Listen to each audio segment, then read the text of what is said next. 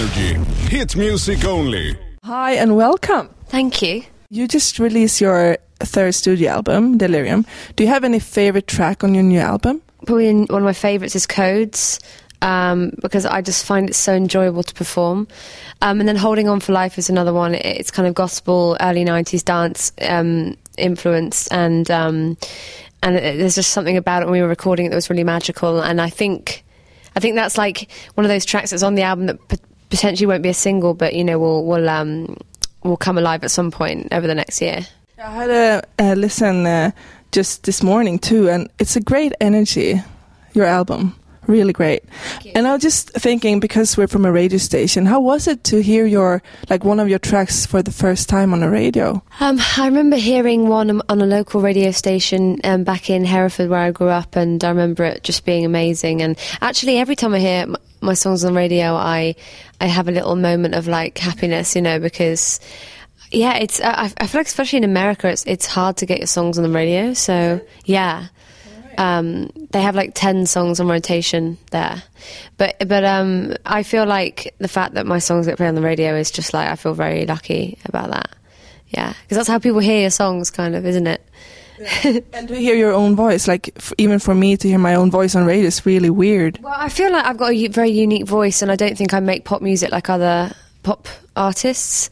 So I'm really grateful that that I can be part of that change because I feel like you know my voice I don't necessarily think of as a radio voice.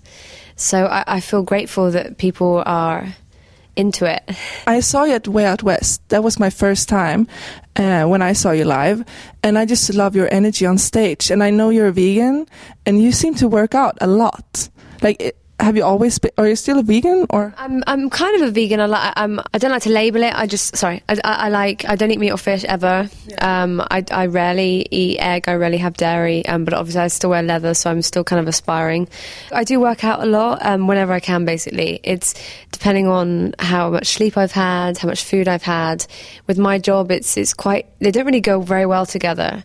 So people people say that I'm you know people are always um, impressed because I I really have to like find the time and the balance and it's hard like working out when you're doing this job because like we just end up drinking all the time and then working out doesn't go with alcohol very well But so do you have like someone to motivate you when you feel like Netflix and chill? I do Netflix and chill by myself a lot.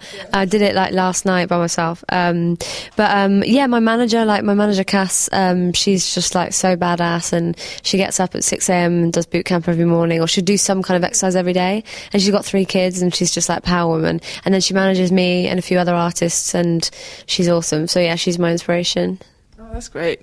So, talking about inspiration, do you have a bucket list Bucket list um, of, of like of like just things to do in the world. of life? I- Um, I guess I mean I th- yeah. There's so many things. I'd love to go to Iceland. I've never been to Iceland, um, and I'd love to explore. And I mean, I, I know. There's a bunch of things. I've, I I feel like I need to do a bit more you know, adventure. I need to like I don't know travel New Zealand and Australia a little bit more.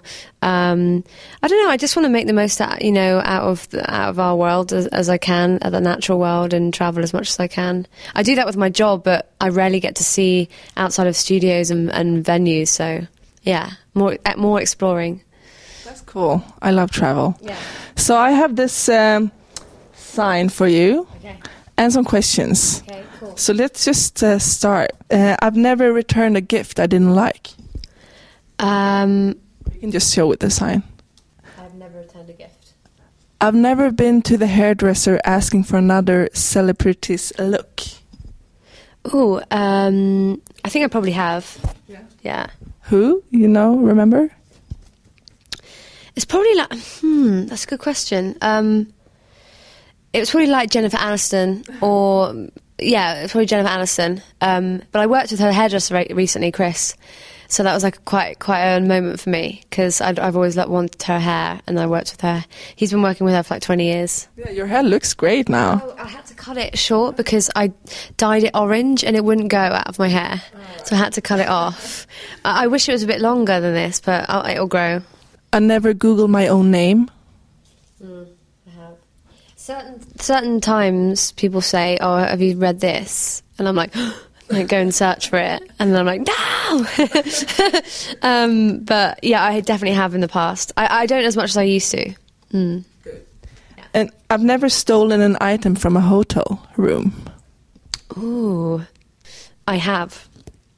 Once I stole a candle holder that was a skull, um, and I thought it was really cool. I don't think anyone noticed because no one like called me up or anything. Maybe they just let me have it. They're like, oh my god, she's having our skull candle thingy. I've never called in sick because of a hangover. oh, I definitely have. My friend just like looked at me like, "Yes, you have." Um, yeah, I have. Um, hang- you know, there's no way around hangovers. They're just awful. Well, there is. Don't drink. Um, but they, they, they are rubbish. And I've never given up. Well, I guess I'm still here, so no, I've never given up. Great. Thank you so much, and good luck tonight on uh, Pop Idol. Thank you. Yeah, it's going to be fun. Rehearsals are really good, so it's going to be fun.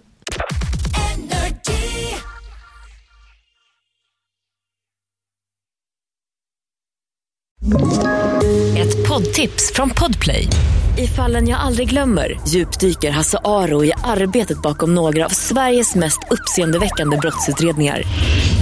Går vi in med hemlig telefonavlyssning och, och då upplever vi att vi får en total förändring av hans beteende. Vad är det som händer nu? Vem är det som läcker? Och så säger han att jag är kriminell, jag har varit kriminell i hela mitt liv men att mörda ett barn, där går min gräns. Nya säsongen av Fallen jag aldrig glömmer på Podplay.